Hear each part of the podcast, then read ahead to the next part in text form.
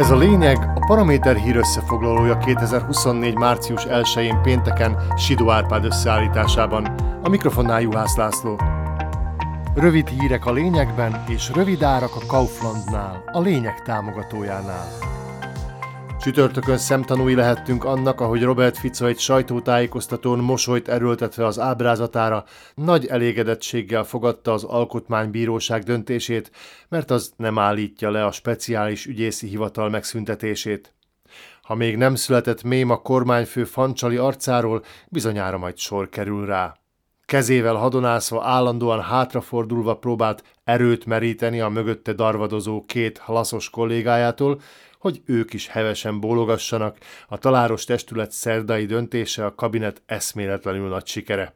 Annak ellenére, hogy a kassai testület felfüggesztette a hatáját Ficóék botrányos büntetőjogi reformcsomagja legdurvább részeinek, még mielőtt azok életbe lépnének a hónap közepén. De ahogy a politikusok szokták csinálni, úgy tett a miniszterelnök is, kiválasztotta a határozat szinte egyetlen részletét, és azt adta el káprázatos diadalként, hogy a bírák egyelőre hagyják veszni a korrupciós ügyeket feltáró ügyészséget, amit a kormányfő a gonoszság és a gyűlölet melegágyának, illetve az emberi jogok ellen használt mechanizmusnak tart.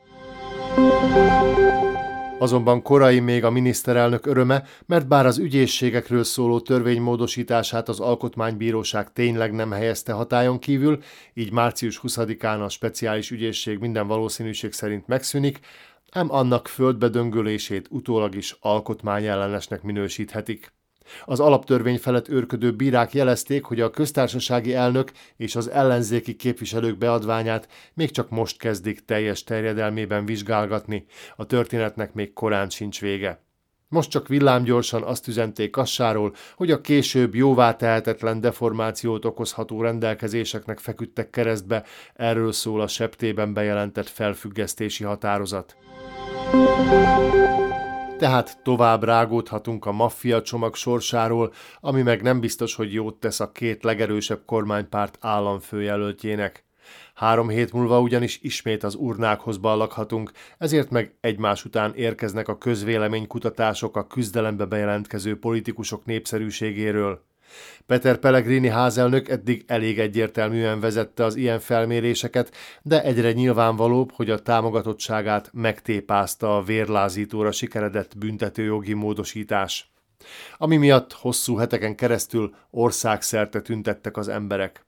Mostanra már ott tartunk, hogy olyan eredmények is napvilágot látnak, amik azt sugalják, a választások első fordulójában Ivan Korcsok akár a szavazatok 36%-át is megkaphatná, amivel megelőzné a parlament hlaszos elnökét, akire 32,7%-nyian voksolnának.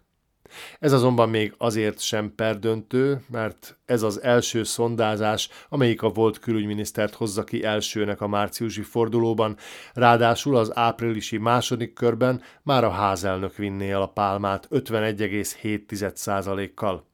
A Medián ügynökség pénteken ismertetett kutatása azt is alátámasztja, hogy aránylag komoly táborral rendelkezik a konspirációs elméleteiről bohókás stílusban hadováló Stefan Harabin, akinek a háborodott előadás módja 11%-nyi hívet képes elvarázsolni. Ennyi szavazó azonban döntő jelentőségű lehet a választások második fordulójában, amivel összefüggésben szintén született egy felmérés. Az AKO vizsgálata alapján úgy tűnik, a mecsiarista ex-miniszter rajongó táborának 64%-a a későbbiekben Pellegrinit választaná. A kérdés az, a koalíció leginkább Európa kompatibilis arca ennek a gyülekezetnek mekkora hányadát tudja rábírni arra, hogy Harabin kidőlését követően tényleg kiálljon a Hlasz pártelnöke mellett. Érdekesség, hogy a választásokon szintén induló és szélsőségesen Fico meg Pellegrini ellenes Igor Matovics követői, akik a medián alapján most majdnem 5%-nyian vannak, az AKO felmérése szerint a második körben ennek a tábornak az egyharmada a parlament elnökét hozná helyzetbe. Az is figyelemre méltó, hogy Forró Krisztiára, a Magyar Szövetség elnökére szavazók, akiknek a közössége most 2,5% körül mozog, 70%-ban Pellegrinit szeretnék államfőnek. Ebben biztos benne van az is, hogy Korcsok sem hordozta eddig tenyerén a szlovákiai magyarokat, meg az is, hogy a magyar párton belül ügynökként viselkedő új jövevény más sem csinál az utóbbi időben, csak az ex-külügyért szapulja. Nem pocskondiázza azonban tovább a kormánykoalíció oszlopos tagja Robert Kalinyák védelmi miniszter az amerikaiakkal pár éve kötött védelmi szerződést, amiről annó a Smer még népszavazást is akart tartani. Ehelyett inkább a szmeres miniszter elutazott Amerikába, és szépen mosolyogva átvette a Jenkiktől két F-16-ost. Ezek a masinák annyira csúcsragadozók, hogy tényleg lehet velük menőzni. Szlovákia lesz az első európai ország, amelyiknek a vadászgép legújabb verziója áll a rendelkezésére. Ez volt a lényeg 2024. március 1-én pénteken Sidó Árpád összeállításában.